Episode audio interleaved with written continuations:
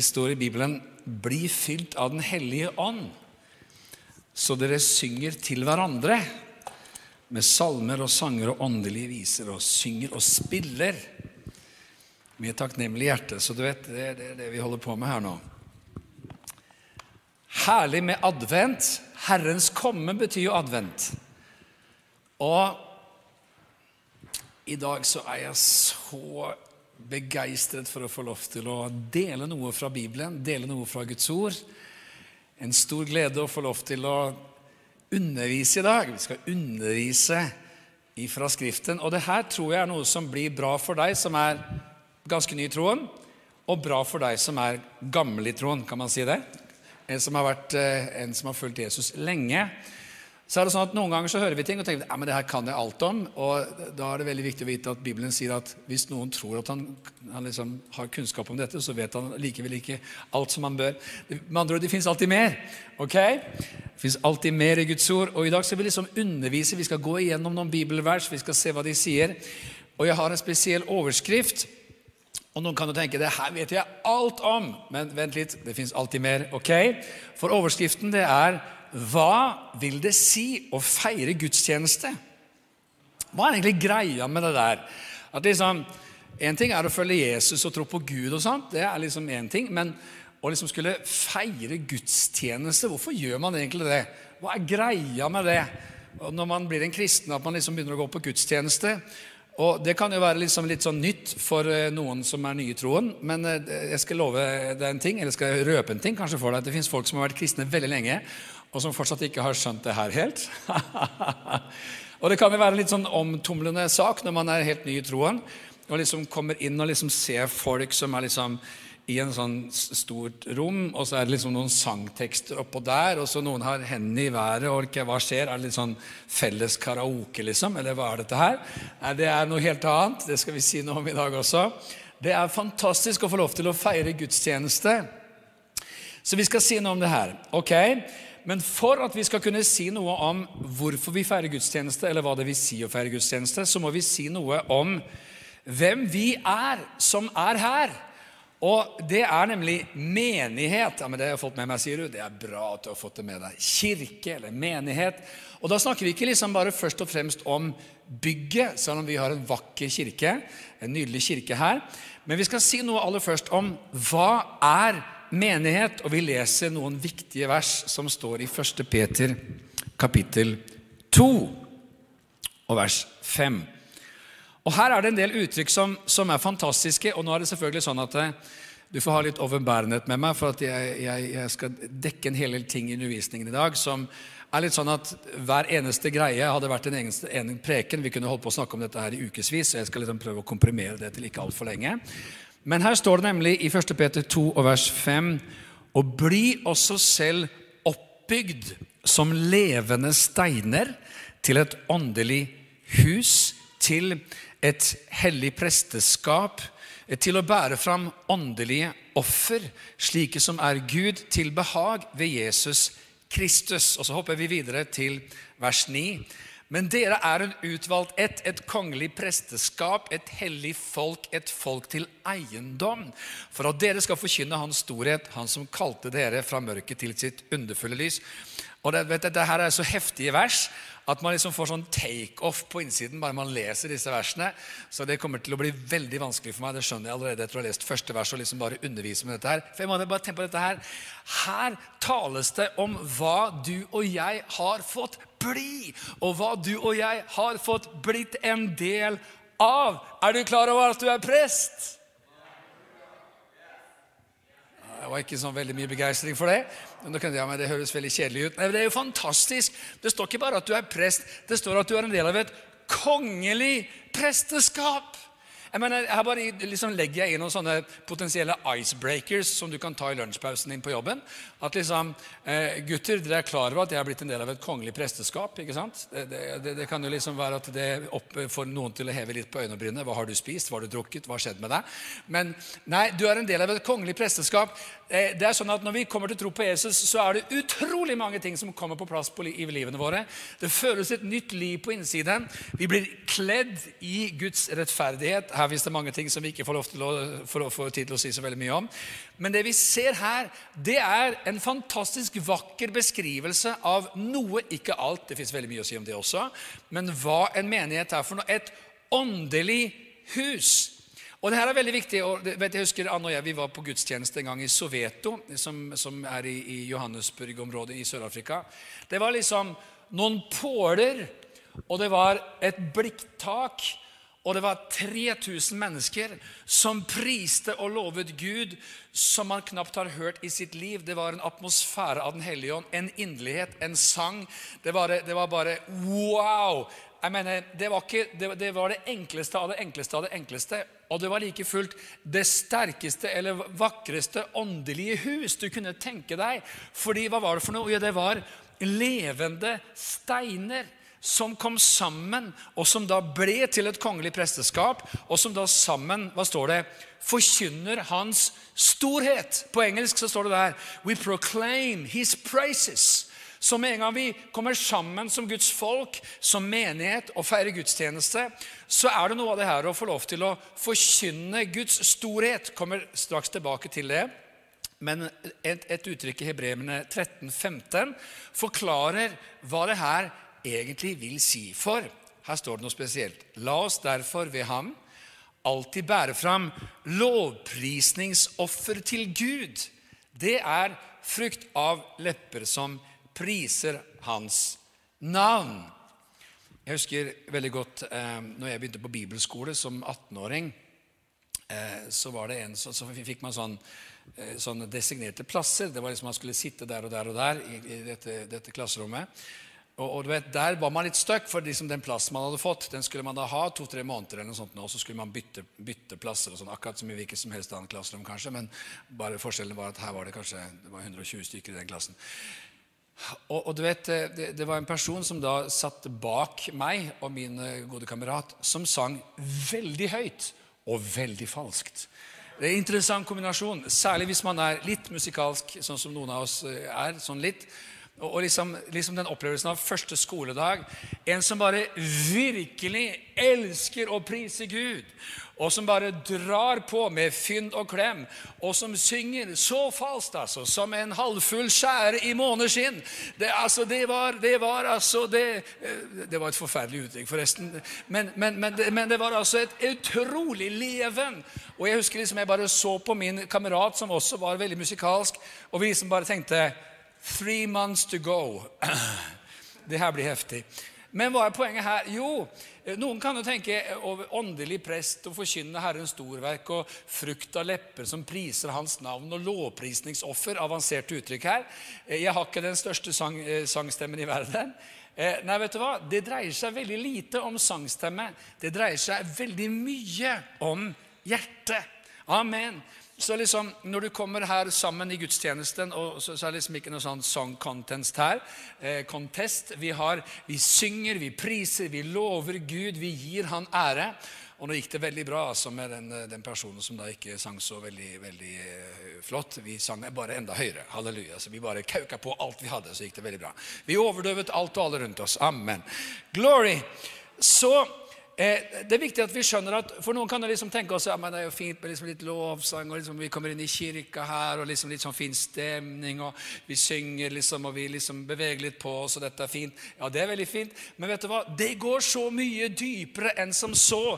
Det er Guds hellige presteskap som kommer sammen for å kunngjøre Hans storhet, forkynne Hans storhet, og for å bære fram lovprisningsoffer. I det gamle pakts tempel så var det andre typer offer man skulle bære fram, mens i den nye pakt, i menigheten, så er det dette offeret man skal bære fram. Lovprisningsofferet. Kan vi høre et aldri så lite amen? Amen, Det var veldig godt. Takk skal du ha. Det føltes godt her. La oss ta og lese et vers til i kapittel 3 i Efeserbrevet, som gir noen helt fantastiske åpenbaringer om hva det er som skjer når vi gjør dette. For det står nemlig sånn i Efeserbrevet 3.10.: Slik skulle Guds mangfoldige visdom nå gjennom menigheten bli kunngjort for maktene og myndighetene i himmelen. Her står det altså at noe av det menigheten gjør når vi kommer sammen som levende steiner, det er at innenfor maktene og myndighetene, eller åndskreftene i himmelrommet. Da snakker vi om altså, eh, onde ånder, åndskrefter osv. Demoner, djevler. Alt dette står beskrevet i eh, tre kapittel senere, i kapittel seks så er det akkurat sånn at hver eneste søndag er en slags sånn oppstandelsesfeiring. og Derfor så har også Guds folk gjort det omtrent de siste 100 000 søndagene siden Jesus Kristus sto opp ifra de døde. Vi har en sang om det. Since a hundred this, skal vi se. It's a hundred thousand Sundays since the resurrection day. It's a hundred thousand Kan du ikke knipse? En, to, tre. It's a hundred thousand Sundays since the resurrection day. It's a hundred thousand Sundays since we heard the angels say, He is not here, He's, not, he's risen, He's no longer in the grave, osv. Ah, I 100 000 søndager så har Guds folk holdt på med å samle, eh, feire gudstjeneste på den første dagen i uka, som var oppstandelsesdagen. Og jeg mener, kan du liksom bare tenke, Det er bare litt sånn herlig å liksom male dette bildet litt. For her har du liksom, her har du en, en, en mamma som akkurat har fått en liten en som drar med seg lille Enok på gudstjeneste. Her har du en forretningsmann som kommer løpende. Han er litt sånn stressa. Og her har du en som kom for seint fordi bussen kom ikke sånn. Og så har du liksom en lærer der, og så har du en politimann der der, og så har du, ikke sant, så har du liksom alle walks of life, alle samfunnslag, alle slags yrker, alle slags sosiale lag, alle slags eh, livssituasjoner. Og så liksom kommer alle disse steinene. Vi burde animere dette. her, Vi burde liksom lage det som en slags sånn egen animasjon. En stein, levende stein der, en levende stein der. Og så bare dras disse sammen. Tjukk! Til en bolig for Gud i ånden, som Efeserbrevet 2 sier. Levende steiner som blir til Guds hus i Den hellige ånd. Amen. Et åndelig hus. Yes! Da skjønner vi hvor viktig dette er. Og så begynner de å proklamere Jesus lever. Oh, åndeverden bare oh, We don't like this. We don't like this at all. Å, Jesus er oppstanden. ikke sant? Og vi bare proklamerer det, vi synger det, vi løfter det fram. Jesus lever, han er oppstanden. Og vi proklamerer Guds seier. Gud være takk som gir oss seier ved vår Herre Jesus Kristus. Det skjer bl.a. ikke bare i lov, men også gjennom lovsangen. Vi kommer tilbake til det litt senere. Det skjer også i nattverden. Oi, oi, oi, oi. Hver eneste søndag vet du, så står Guds folk der du, med brød og beger og sier Jesu blod renser fra sin wow. Jesus vant en evig seier. Wow. Jesus Kristus, han er seierherre. Det er jo fantastisk. Amen. Så dette her, hva snakker Vi om? Vi snakker faktisk om hva vil det si å feire gudstjeneste. Vi er fortsatt i begynnelsen av dette. Og vi leser i Efeserbrevet kapittel 2. Der står det nemlig dette som vi akkurat nå siterte. Sånn litt. I ham blir hele bygningen Husker alle disse levende steinene? ikke sant? Føyd sammen og vokser til et hellig tempel i Gud, et hellig tempel i Herren. I ham blir også dere, sammen med de andre, bygd opp til en Guds bolig i ånden.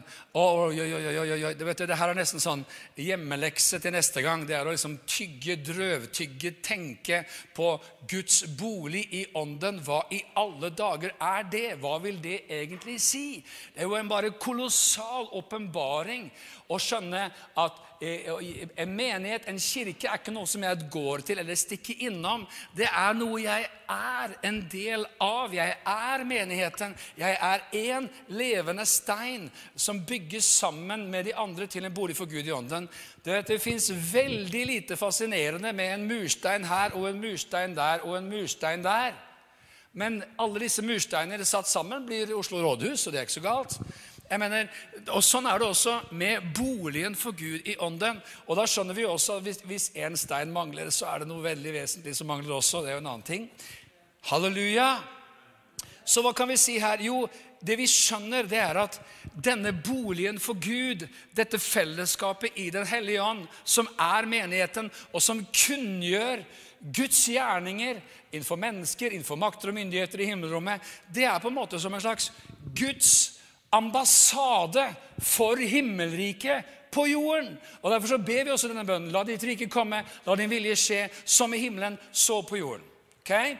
Vi vet jo at norske ambassade det er, liksom sånn, det er sånn som man egentlig bare oppsøker når man har problemer va, i utlandet. Det, det, man tenker ofte ikke på at det finnes ambassader i utlandet, eh, men man er veldig glad for de fins når man havner i en eller annen situasjon. Jeg har oppsøkt ambassaden i Tel Aviv, eh, jeg var i Israel og eh, ble frastjålet alt jeg hadde. Det var interessant.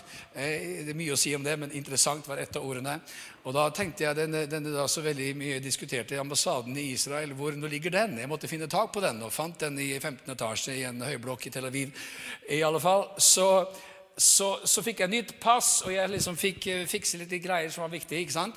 Og hva er poenget her? Jo, de representerte Norge der. ikke sant?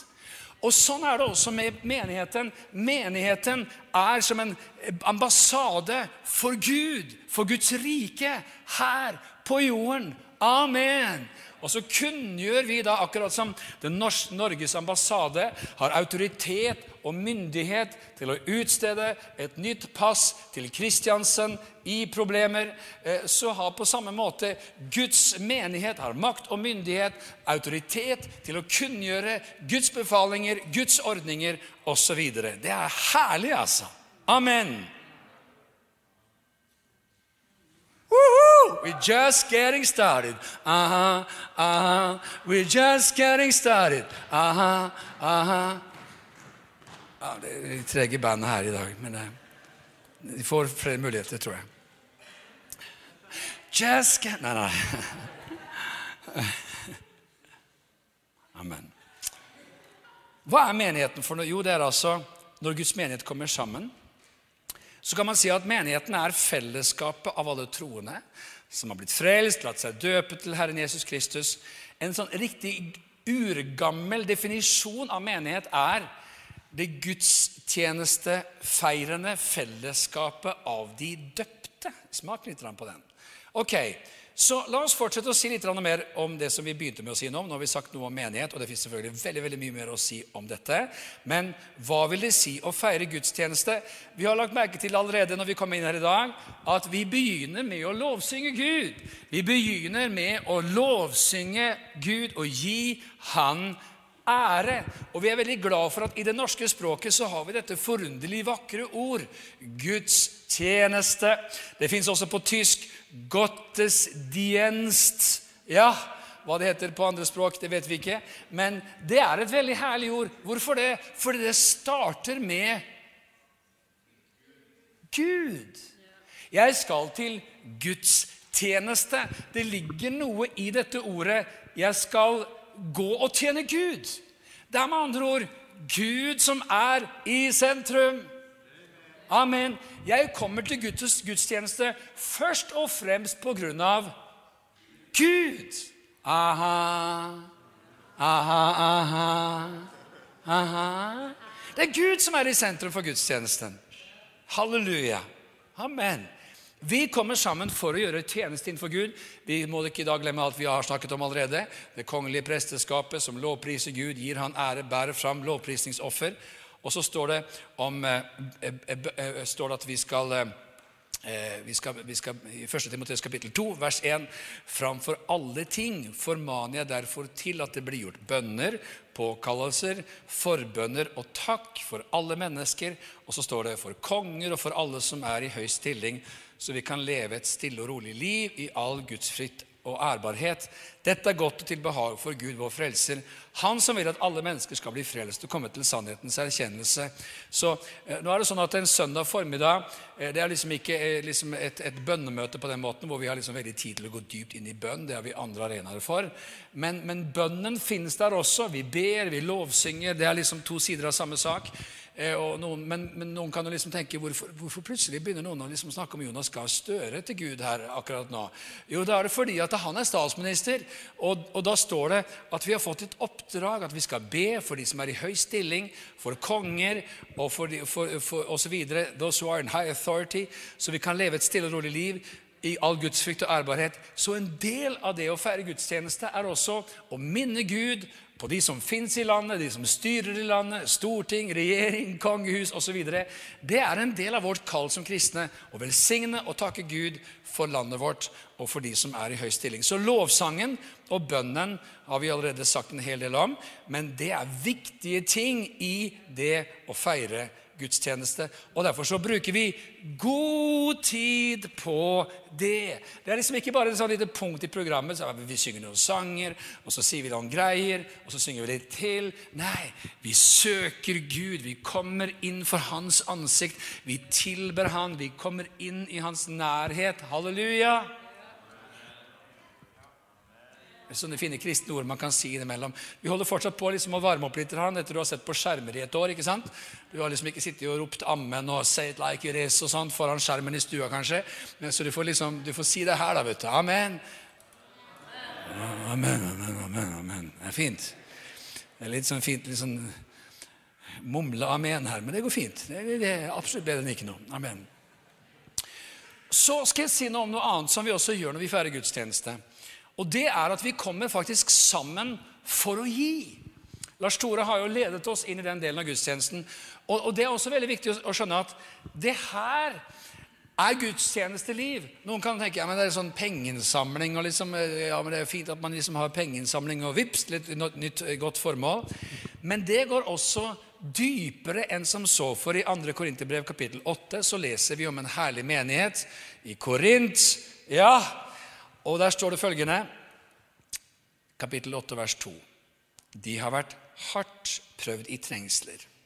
Det var en menighet som hadde hatt det ganske heftig, dette her. Men likevel er det deres overveldende glede og deres dype fattigdom. De var hardt prøvet, og de var fattige. Strømmet fram en rikdom på oppriktig godhet. Interessant. Her skjønner vi igjen at det å gi det har, akkurat som lovsang har ikke med sangstemmen din å gjøre, det har med hjertet ditt å gjøre. Så er Det sånn at det å gi det har ikke med lommeboka å gjøre. det liksom har tjukk eller liten lommebok. Nei, det har, det har, med hvor, har med hjertet å gjøre. For det står 'de ga oss etter evne'. Det kan jeg bevitne. Ja, over evne av egen drift. Hør på det her. De ba oss inntrengende om den nåde å få være med i fellesskapet i tjenesten for de hellige. Og de ga ikke bare slik vi hadde håpet, men de ga seg selv Først til Herren, og så til oss ved Guds vilje. Så var vi Titus om å fullføre den gaven som han før hadde begynt å samle inn hos dere. Dere har jo overflod på alt, på tro, på ord, på kunnskap, på iver og på kjærlighet mellom dere og oss. Så bli nå, hør på dette her, rike også i dette kjærlighetsverket. Er ikke vakkert? Er ikke vakkert? Jo. Det var vakkert. Ja. Vet du, Vi er blitt så vant til sånne ikoner på mobilen. vet Du så liksom, du kan bare gjøre sånn. Er det ikke vakkert? Ja. Bare litt sånn variasjon her nå, da.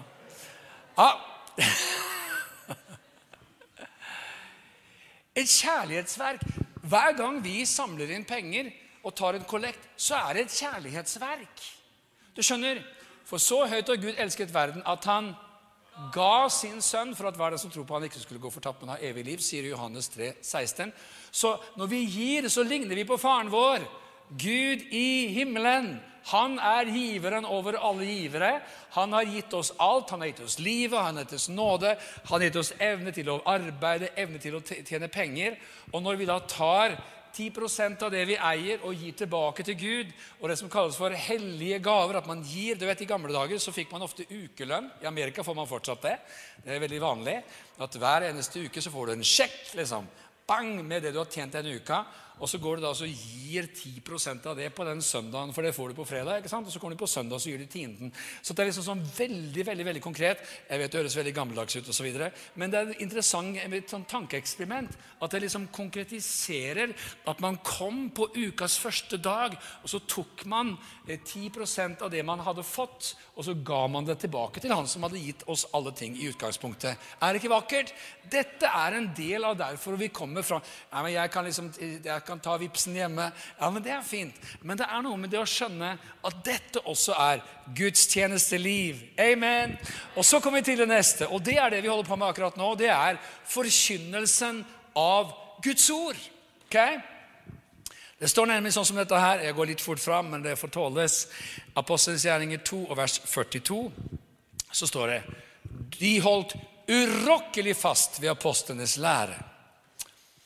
Eh, du vet, eh, å holde urokkelig fast på noe eh, De fleste av oss de holder urokkelig fast på mobilen vår. ikke sant? Altså Hvis du savner mobilen da, da det, det, jeg får en mobil her. Kan ikke noen gi meg en mobil? Noen som har en mobil? Å, takk skal du ha. Alltid ønsket meg en sånn. Kjempefin. altså, Den holder vi urokkelig fast på. Altså, det å gå ut, ut mobilløs Vet du den følelsen der? Altså, Du kommer jo ikke veldig langt. Du kommer jo ikke lenger enn til trikken, og så skal du liksom betale billetten hvis du da ikke har månedskort. Men eh, hvis du da liksom eh, løser ut billetten, så er det én ting. Hvis du har sånn månedsabonnement, så får du jo hetta hvis da fyren kommer for å kontrollere deg. Og så wow, wow, wow, Hvor ble det liksom denne Åh, jeg har glemt mobilen! Den holder vi urokkelig fast på. Er vi med på eksempelet? Ja, takk skal de ha. Jo, og vi holder også da urokkelig fast på disse tingene som står her. Hva holdt de urokkelig fast på? Urokkelig fast på. Og apostlenes lære, et annet ord, er undervisning. Samfunnet, dvs. Si fellesskapet, det skal man holde urokkelig fast på. Man skal bare ha fellesskap. Man skal bare høre undervisning. Man skal holde urokkelig fast på det. Og gjett om ikke den onde vil gjøre 10 000 ting for at du og jeg skal holde fast på alle andre ting enn de tingene som Gud vil at vi skal holde fast på. Og så står det ved brødsbrytelsen og ved bønnene og Det er selvfølgelig ikke begrenset dette til det som skjer på en søndag, men det sier veldig mye samtidig om noen sånne basisting som alltid til alle tider har vært en så sentral del av det å feire gudstjeneste. Og Så står det videre i vers 43 at det kom frykt over hver sjel, og mange under og tegn ble gjort ved apostlene. Så det var tegn, under, mirakler, nådegaver i funksjon. Og så var det undervisning, og jeg skal si litt mer om det akkurat nå. Fordi Efeserbrevet 4, kapittel 11 åpenbarer noe utrolig viktig. Det er nemlig ikke sånn i Guds rike at vi har på en måte en slags sånn liten profesjonell gjeng av, av pastorer, predikanter, apostel, profet, evangelist, hyrde, lærer som skal liksom gjøre greiene, og så skal vi heie på dem og si 'yes, dette var fint'. Det er snudd helt opp ned i Guds rike. Det er nemlig sånn at det står i Efeserne 4,11 Han er det som ga noen til apostler, profeter, evangelister, hyrder og lærere og hva er dette her for noe? Og Det fins det veldig mye å si noe om. det får bli en annen gang. Men ulike typer predikanter som har litt sånn ulike sider i sin undervisning, eller ulike gaver, ulik utrustning, for at de hellige Akkurat den der sjekker jeg ut, for jeg føler meg ikke så veldig hellig. Nei, nei, nei. Du er hellig. Visste du det? Fordi den hellige bor i deg. Jesus, den hellige, bor i deg. Derfor er du blitt hellig. Og så fins det liksom en annen greie, som er å da liksom leve i helliggjørelse. Dvs. Si at den helligheten og rettferdigheten som jeg har fått i Jesus, får lov til å trenge gjennom mer og mer av livet mitt. Det er en annen preken. Men hver gang det snakkes om hellig, så kan du vite at den hellige, eller de hellige, så kan du vite du er inkludert. Er du glad for det? Ok, ok. Thank you very much. Hva står det jo? Det står at for at de hellige kunne bli gjort i stand til tjenestegjerning, til oppbyggelse av Kristi legeme, inntil vi alle når fram til enighet i tro på Guds sønn og i kjennskap til ham, til manns modenhet, til aldersmålet for Kristi fylde. Her er hver setning en preken. For at vi ikke lenger skal være småbarn og la oss kaste og drive omkring av hver lærdomsvind, ved menneskers spill, ved kløkt i villfarelsens listige knep. Hva betyr nå dette her? Du vet, Når ungene er små, så er det liksom sånn at man mater dem. Og Hvis de liksom ikke vil ha maten som du serverer, noe som har vært borti den greia der, så sier man 'gap opp'. ikke sant? Så kommer liksom sånn fly, flymaskinen zzz, Det funker noen ganger, og så er det over. Men, men liksom 'gap opp', og så lille poden da åpner munnen, og så får man liksom lurt denne lille liksom inn der. Og liksom, det, er, det er liksom søtt og fint og sjarmerende for en som er halvannet, men ikke for en som er elleve og et halvt. Altså, det, det, det, det, er fascinerende hva som er sjarmerende når man er bitte liten. ikke sant? De søler og de griser. Å, så koselig. Liksom. Men det er ikke kjempehyggelig hvis du er 21. At liksom, Der sitter du liksom nede på Pascal, og det liksom griser og søler, og det, liksom, det bare ser all det liksom greier i alle retninger. Det er ikke så søtt lenger. Og i åndelig forstand så det, er, finnes det en parallell her. Det står nemlig at Gud sørget for at i gudstjenestene så skulle det være forkynnelse og undervisning av Guds ord. Og så skulle man komme dit, og så skulle man bli utrustet og istandsatt. Men så står det for at man da ikke skulle fortsette å være på småbarnsstadiet. Som andre ord en veldig bra måte å unngå å forbli på småbarnsstadiet åndelig sett er å høre undervisning fra Guds ord. Og Der fins det også andre arenaer. Vi har bibelskole, vi har undervisning om bønn og lovsang på onsdagskvelder. Det, det fins festivaler, det fins seminarer, det fins andre ting som vi gjør i løpet av året for at det skal være flere arenaer for Guds ord. Men det med den ukentlige greia, at hver eneste uke så kommer jeg og hører Guds ord, og så uansett hva predikanten heter eller, eller taler om, så har du fått Den hellige ånd, og som kan også levendegjøre og ta de ordene og gjøre dem relevante inn i din situasjon, og som gjør at du, det er ting som liksom kommer på plass i livet ditt, det er ting som Den hellige ånd begynner å tale om, det er ting som du utrustes til helt enkelt ved å komme innenfor hørehold. Amen. Så undervisningen, forkynnelsen av Guds ord, er utrolig viktig. Amen. Som andre ord, Man kan ha vært kristen lenge, men fortsatt være umoden i troen hvis man ikke har fått regelmessig undervisning av Guds ord. Halleluja! Gjennom gudstjenestelivet, hvor forkynnelsen er en så vesentlig del. Det vi altså da leste i Apostelens gjerninger 2, er jo det at vi skulle holde urokkelig fast ved flere ting. Læren, fellesskapet, samfunnet, bønnene. Og Det neste vi kommer til, er det altså som ble nevnt der. Man skulle også holde urokkelig fast ved nattverd, eller brødsbrytelsen, som er et annet ord for det. Og Nå skal vi si noe veldig fint om dette med nattverden. Den er så viktig at den må holdes urokkelig fast ved. Og Det interessante er at Eh, vi er jo en del av, av, av, Jesu Kristi menighet, som har eksistert i, i, i 2000 år snart. Og eh, eh, Det fins liksom visse sånne bestanddeler som er sånne konstante ting. Og Det er Guds ord som forteller oss hva de er for noe. Og Det interessante er at man av og til liksom hører kristne som sier sånne ting som at ja, nå trenger vi å liksom reinvent, reinvent, church. Nå trenger vi å liksom gjenoppdage menighet. Som om vi liksom starter fra scratch og tenker hva skal egentlig menighet være for noe? Hvordan vil vi at det skal være? Hvordan vil vi at det skal inneholde? Hva, tenker, hva tenker vi om det? Og vet du hva? Det er, for å være helt ærlig, fullstendig uinteressant. For det som er interessant, det er at vi har fått en tro som det står om i Judas brev, som en gang for alle er blitt overgitt til de hellige. Så de tingene som vi snakker om her nå, det er sånne konstante bestanddeler som alltid har vært der. Hvorfor? Fordi Gud selv ga oss instruksjoner om det i Guds ord. Ja, Men jeg liker ikke den biten der, og jeg syns kanskje den biten ikke burde høre med. Ja, nå, nå, skal det sies at det fins veldig mange måter å gjøre dette på. Man kan synge sånn, man kan synge sånn, man kan synge høyt, man kan synge lavt, man kan sitte når man, når man synger, man kan stå når man synger. Eh, man kan ha trommer, man kan ikke ha trommer, man kan ha orgel. Men det fins veldig mange ulike versjoner av hvordan man kan synge. Men synge, prise, be, det skal man. Ikke sant?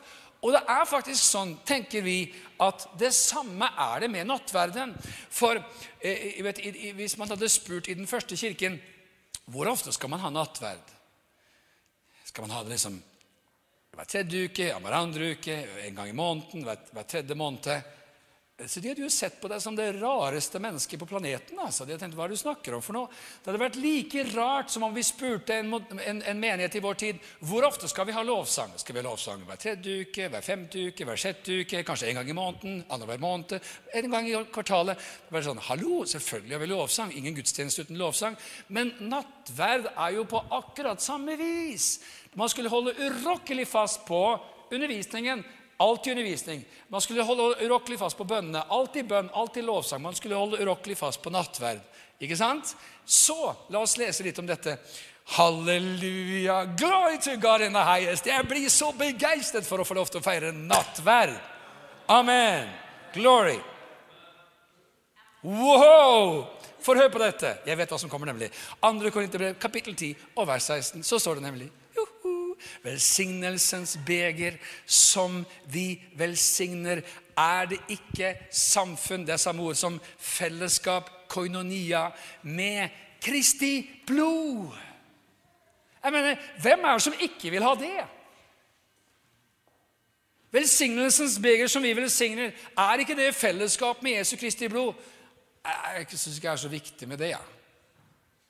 Det blir jo liksom helt snu, snu, snurrit, for å snakke svensk. Helt merkelig. Hvor kom det fra? Snurrit. Kjære. Ja, det, det, vet, det her, dette er jo liksom midt inni kjernen av vår tro. Vi fortsetter. Brødet som vi bryter, er det ikke samfunn eller fellesskap med Jesu legeme eller med Kristi kropp? Vil vi ikke ha det? Det holder for meg en gang annenhver måned. Nei, nei, nei, nei. For de første kristne så var, så var eh, brødsbrytelsen og gudstjenestefeiring var synonymer. Det var to ord som egentlig betegnet det samme. Og Derfor så leser vi om Paulus i Troas at på den første dagen i uken, når man var kommet sammen for å bryte brødet, står det. Så at, liksom, Det var en annen måte å si at man feirer gudstjeneste, var man brøt brødet. For vi er ett brød, fordi vi er ett brød, er vi ett legeme, enda vi er mange, for vi alle del i det ene brødet. Og så blar vi om til kapittel Jeg sa 2. Korinterbrev 10. Dette er 1. Eh, Korinterbrev kapittel 10. La oss gå til 1. Korinterbrev 11, vers 23. Disse ordene som vi bruker ofte når vi skal feire nattverd, for da sier vi nemlig For jeg har mottatt fra Herren det som jeg også har overgitt til dere, at Herren Jesus den natten da han ble forrådt, tok et brød, takket, brøt det og sa, 'Dette er min kropp, som er for dere.' Gjør dette til minne om meg. Likeså tok han også begeret etter aftensmåltidet og sa, 'Dette begeret er den nye pakt i mitt blod.' Gjør dette så sjelden som dere drikker av det. Nei, så ofte som dere drikker av det til minne om meg. For så ofte Fins det noe vi gjør ofte? Er det noe du holder på som du gjør ofte? Det fins en del ting man bare gjør veldig ofte. sant? Ditt hode spinner nå, alle de ting du gjør ofte. Det fins kanskje en del ting vi gjør ofte som vi ikke burde gjøre ofte. Det er en annen preken. Men, men, så ofte som dere gjør det, eh, som dere drikker av det til minne om meg, for så ofte som dere eter dette brød og drikker av dette begeret Hør på dette her, da. Forkynner dere Herrens død inntil Han kommer. Husker du Efeserbrevet kapittel 3,10 at menigheten nå kunngjør Herrens visdom? for makten og myndighetene. Så ofte som vi drikker av dette begeret og eter av dette brødet, forkynner vi Herrens død inntil Han kommer. Djevelen hater nattverd. Hver eneste nattverdsfeiring er jo til og med, som vi leste her, at vi forkynner Herrens død inntil Han kommer. Kan du tenke deg? Tror du den onde gleder seg til Jesu gjenkomst? Nei, nei, nei, nei. Og Derfor så vil han at de, de, de, kristne skal være lite opptatt av det. At de skal liksom, liksom ja, men Kjære, ikke snakk så mye om Jesu gjenkomst. Da. Har jo, det har jo vært korona nå i to år. Jeg har ennå ikke fått kommet til eh, Kreta. Jeg vil jo gjerne dit og få litt sol. Og så står du snakker om Jesu gjenkomst. Jeg er ikke gift engang. Kjære vene. Eh, jo da, det, det fins jo en del ting vi gjerne vil ha utført her i livet. det er veldig herlig. Men vet du hva? vi tror på at Jesus Kristus en gang skal komme tilbake igjen. Og hver eneste nattverdsfeiring er å forkynne, erklære, proklamere. Han kommer, han kommer, han kommer. Det ble veldig herlig resonanse, den her. Han kommer mm, ok, Hvorfor har jeg oppdaget det her før? Han kommer, mm, mm, mm han kommer, han kommer! Det er jo noe å tenke på. Det står liksom med de beger og de brød. Han kommer! Vi forkynner Herrens død inntil Han kommer! Tror du det var rart at de første kristne gjorde det hver bidige søndag? Selvsagt! Og vet, bare en liten sånn parentes, Vi har blitt litt sånn rare i vår tid. for Det eneste vi egentlig gjør i våre gudstjenester som Bibelen ikke, ikke sier noe om, det er informasjon. Og det holder vi urokkelig fast på. Særlig protestantiske vestlige kirker. Vi holder urokkelig fast på informasjonen.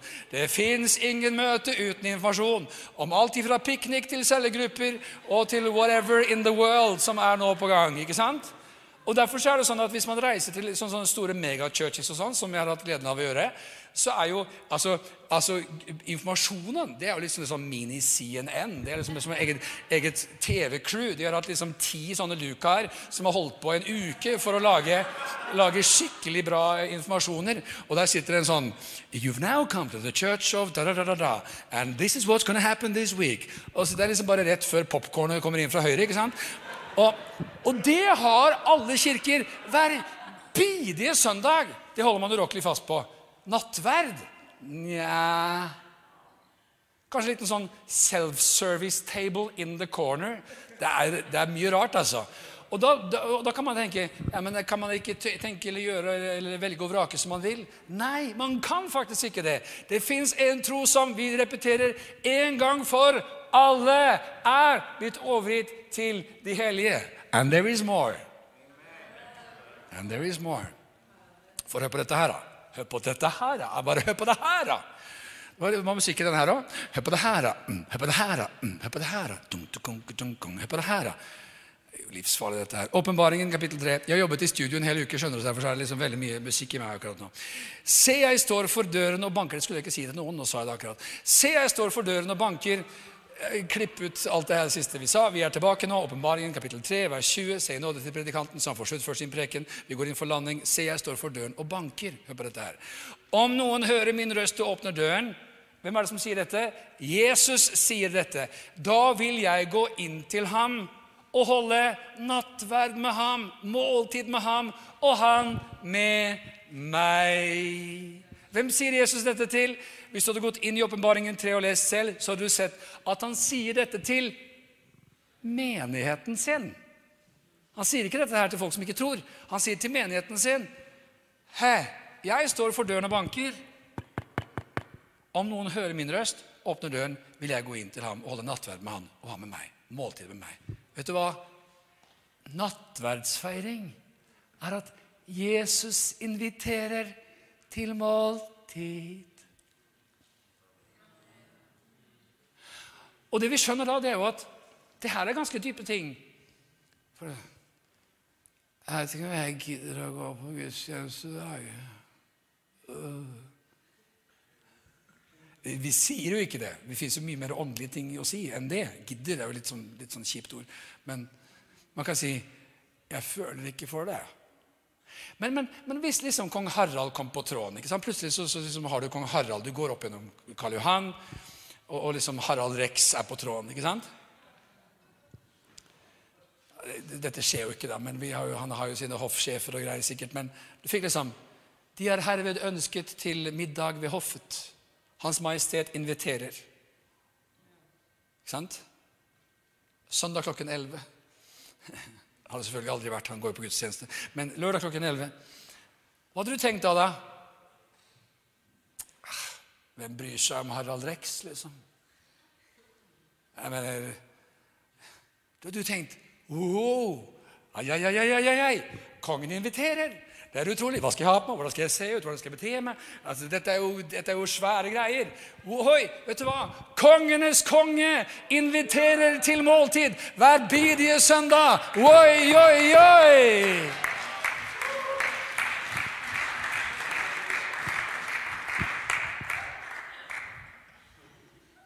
Herlig! Det kalles glede. Ja, du vet, Vi er jo så glade. Vi er invitert til fest! Amen. Vi er invitert til fest. Amen. Vi tar det en gang til. Vi er så glade. Vi er invitert til fest!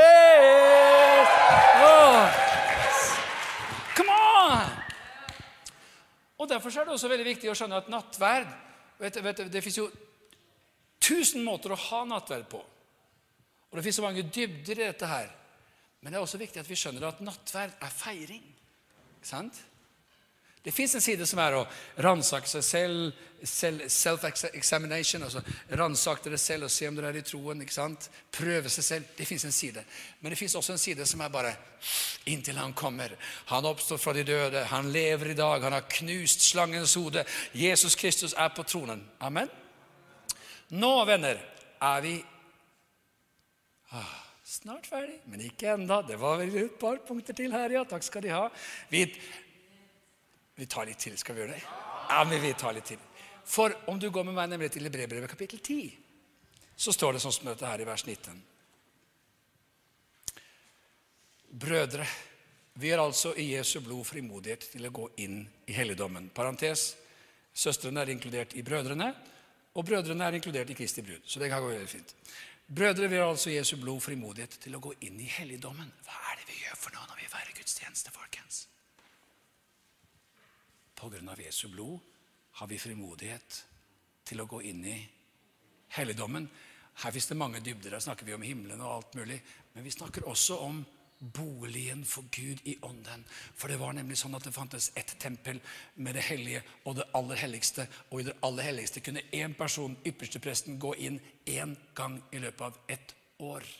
Men nå, pga. Jesu blod, har alle vi fått lov til å få adgang til helligdommen. Guds menighet. Wow, wow, wow. Til den har han innviet for oss en ny og levende vei gjennom forhenget. Det er hans kjød. Og vi har en stor prest over Guds hus. Og det er du, forresten.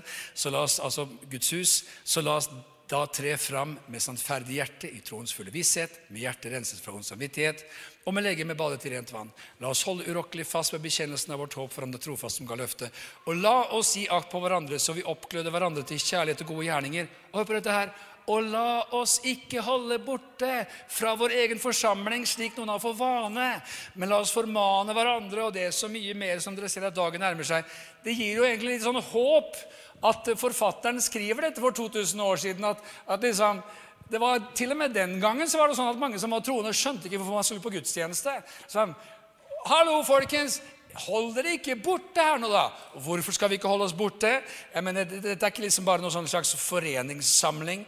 Noen møtes i sjakklubben, noen møtes der, noen møtes eh, på svømmetrening, og noen møtes i en kirke for some reason. Nei, vet du hva? Det er at pga. Jesu blod har vi frimodighet til å gå inn i helligdommen. Det er derfor vi ikke må holde oss borte. Skjønner du? Skjønner du hvor viktig det er? Vi ser hvor viktig det er. Amen. Nå skal vi lese noe interessant. For nå har vi inntil nå sitert Skriften. Og nå skal jeg ta og sitere en kar som het Justin Martyr. En kirkefeder, kirkefader som levde fra år 100 til 165, og som sa da rundt år 150 der omkring. Hør på dette her. Det er så interessant. Det begynner å bli lenge siden. Han skrev da et skriv om gudstjenesten. På den dag som kalles solens dag, samles alle, enten de bor i byene eller på landsbygda. Man leser fra apostlenes erindringer eller profetenes skrifter så lang tiden tillater. Når den som leser, har sluttet opplesningen, sier forstanderen et formaningens ord, der han oppfordrer oss til å etterleve de gode ting vi har hørt. Hørt Høytlesningen av Skriften, Guds ord, kommentere, kommentere det, hvordan vi skal leve det vi har hørt. Deretter reiser vi oss alle, og bønner stiger opp. altså Man ber, man lovsynger. Når vi har avsluttet bønnene, bæres det fram brød, vin, og forstanderen fremsier etter sin nådegave bønn og takksigelse. Og til dette sier menigheten jublende Amen! Herlig. Deretter skjer uttellingen til hver enkelt, og vi nyter det slik det har blitt holdt takkebønn høres ganske gjenkjennelig ut, gjør ikke det? Ikke sant? Og så står det at de som har overflod, og som er villige til det, de gir av sitt. Kollekt, nattverd, bønn, undervisning. Og så kommer det en sånn morsom parentes. da. Til dem som er fraværende, sendes brød og vin med diakonene. Den praktiserer ikke vi enda. Men det hadde vært kjempekult. Det var med andre sånn at det var så implisitt at gudstjeneste er vi jo på. Vi er jo en del av Guds menighet. Så hvis man ikke var der, så fikk man jo ikke feiret nattverd. Og da var det trolig fordi at man måtte holde seg hjemme. Og hvis man måtte holde seg hjemme, så var det fordi man var syk. Og derfor så kom da diakonene med, med, med nattverden hjem til folk. Hadde ikke det vært skikkelig kult? At liksom der du bor borte på Bislett, og liksom hadde sovet litt farlig lenge en søndag morgen, så plutselig så ding-dong, og der står Lars Tore. Her kommer nattverden til deg. What? Ja, du må jo være syk, for du var jo ikke på gudstjeneste i dag. Så her er det. Vi, her, vi, har, liksom, vi har spasert rett ifra Markus kirke her. og Halleluja. Det kunne faktisk blitt veldig, veldig gøy, altså. Nei, vi bare kaster inn den her. Noen tenker er du seriøs nå? Nja. Vi får se. Så er da spørsmålet hva med disippelgjøringen? Hva med fellesskapene i hjemmene? Jo, vet du hva, det fins det veldig mye å si om. Man trenger to vinger for å fly. Og Den ene vingen er gudstjenesteliv. Den andre vingen er fellesskapet og disippelskapet som skjer i en mindre setting. Halleluja. Til sist ja, Men hva med de som ikke er frelst, da? De som ikke er kristne? Jeg trodde jo gudstjenesten var for dem. Jo, de skal også få komme. Gudstjenesten er offentlig, den er ikke lukket. Den er ikke bare for noen, liksom, for noen inviterte, den er for alle. Men for det første så er det sånn at vi skjønner at du skal utrustes, så du vinner mennesker for Jesus. Hver eneste søndag så utrustes vi, istandsettes, for å dele troen der hvor vi er. Så det er viktig å skjønne. Og for det andre så er det sånn at i den kristne menigheten så har det blitt færre og færre møtepunkter. I gamle dager så hadde man gjerne vekkelsesmøter, og man hadde vekkelseskampanjer, og man hadde evangelister, og man hadde mange ulike ting som gjorde at det var veldig mange ulike arenaer for å forkynne evangeliet for mennesker som ikke tror. Mens i vår tid så er liksom veldig mange ting blitt redusert til ett møte i løpet av uka. og Derfor skal alt dyttes inn der. Og noen kan da tenke at alt i en gudstjeneste skal være lagt til rette for at den som ikke tror, kan trives. Det er per definisjon en feil definisjon av gudstjeneste. Gud er i sentrum for gudstjenesten. Utrustningen av de hellige, lovsangen, nattverden, bønnene. Men den som ikke tror, skal også få komme og få lov til å smake på atmosfæren av lovsangen, av bønnen, høre Guds ord, og skal alltid få en mulighet til å komme til tro på Jesus. Og Derfor er også vitnesbyrdet viktig i en gudstjeneste. At vi aller helst hver søndag har et vitnesbyrd om hva Jesus har gjort i menneskers liv. Historier om forvandlede liv som bygger troen også for mennesker som ikke kjenner Jesus. Amen? Halleluja. Det er viktig at vi skjønner dette her. Og så tror vi at 2. Korinterbrev 3,17 taler til oss og sier men Herren er ånden, og der Herrens ånd er, der er frihet. Den hellige ånd er til stede i gudstjenesten. og Derfor er det sånn at Gud også vil at det skal være nådegaver i en gudstjeneste. Amen. Så når vi begynte å lovsynge Gud her, så fikk jeg et budskap i, i, i tunger. Det fins mye å si om hva det er for noe. Men et budskap i tunger som jeg fikk en tydning på, og som handlet om en åpenbaring om hva lovsangen vil gjøre i våre liv. ikke sant? Og Derfor så står det i 1. Korinterbrev kapittel 14 om nå hele menigheten kommer sammen på samme sted, og alle taler med tunger, og det så kommer inn noen ukyndige eller vantro, vil de da ikke si at det er gått fra forstanden? Men dersom alle taler profetisk, og det så kommer inn en vantro eller ukyndig, da blir han avslørt av alle og dømt av alle, og det som er skjult i hans hjerte, åpenbares, så vil han falle på sitt ansikt og tilbe Gud og bekjenne Gud er sannelig blant dere. Hvordan er det da, brødre, når dere kommer sammen? Da har hver enkelt av dere en salme, en lære, en åpenbaring, en tunge, en tydning eller all kjetteloppbyggelse. Taler noen med tunger, da lar det være to eller i høyden tre, en om gangen, og la en tyde det. Men dersom det ikke er noen som kan tyde det, da skal han ti i menigheten, men tale for seg selv og for Gud. La to eller tre profeter tale, og de andre skal prøve det, osv. Her fins det veldig, veldig mye å si som jeg ikke rekker å si nå, men som beskriver gudstjenesteliv. Enhver av oss kan jo ikke profetere og tyde og liksom dra på i hver gudstjeneste. Da hadde vi hatt liksom sånn, eh, det hadde blitt sånn day and night-gudstjenester som hadde vart veldig lenge. Men derfor så finnes det også gudstjenesteliv i disippelgruppene. hvor enhver kan dele. Enhver har en lære, enhver har en, en innspill, enhver har fått noe fra Gud. Enhver bidrar. Men også i en velsignet pinsemenighet, glory to God, så tror vi på åndens gaver. Så vil vi ha åndens gaver. Så vil vi ha nådegaver i funksjon. Ikke bare det som skjer her, men det som skjer i salen. Der sitter du, og så får du et kunnskapens ord til noen som sitter i nærheten av deg. Og når gudstjenesten er i avslutningen, enten før eller etter at den er offentlig avsluttet, så inviterer vi til forbønn. Da er det folk som er trent til å be for folk, og som kan be for folk og profetere og salve den syke med olje. Og vi kan se nådegaver i funksjon også. Amen, amen. Og alt folket sa amen. Halleluja. Vi reiser oss opp, alle sammen.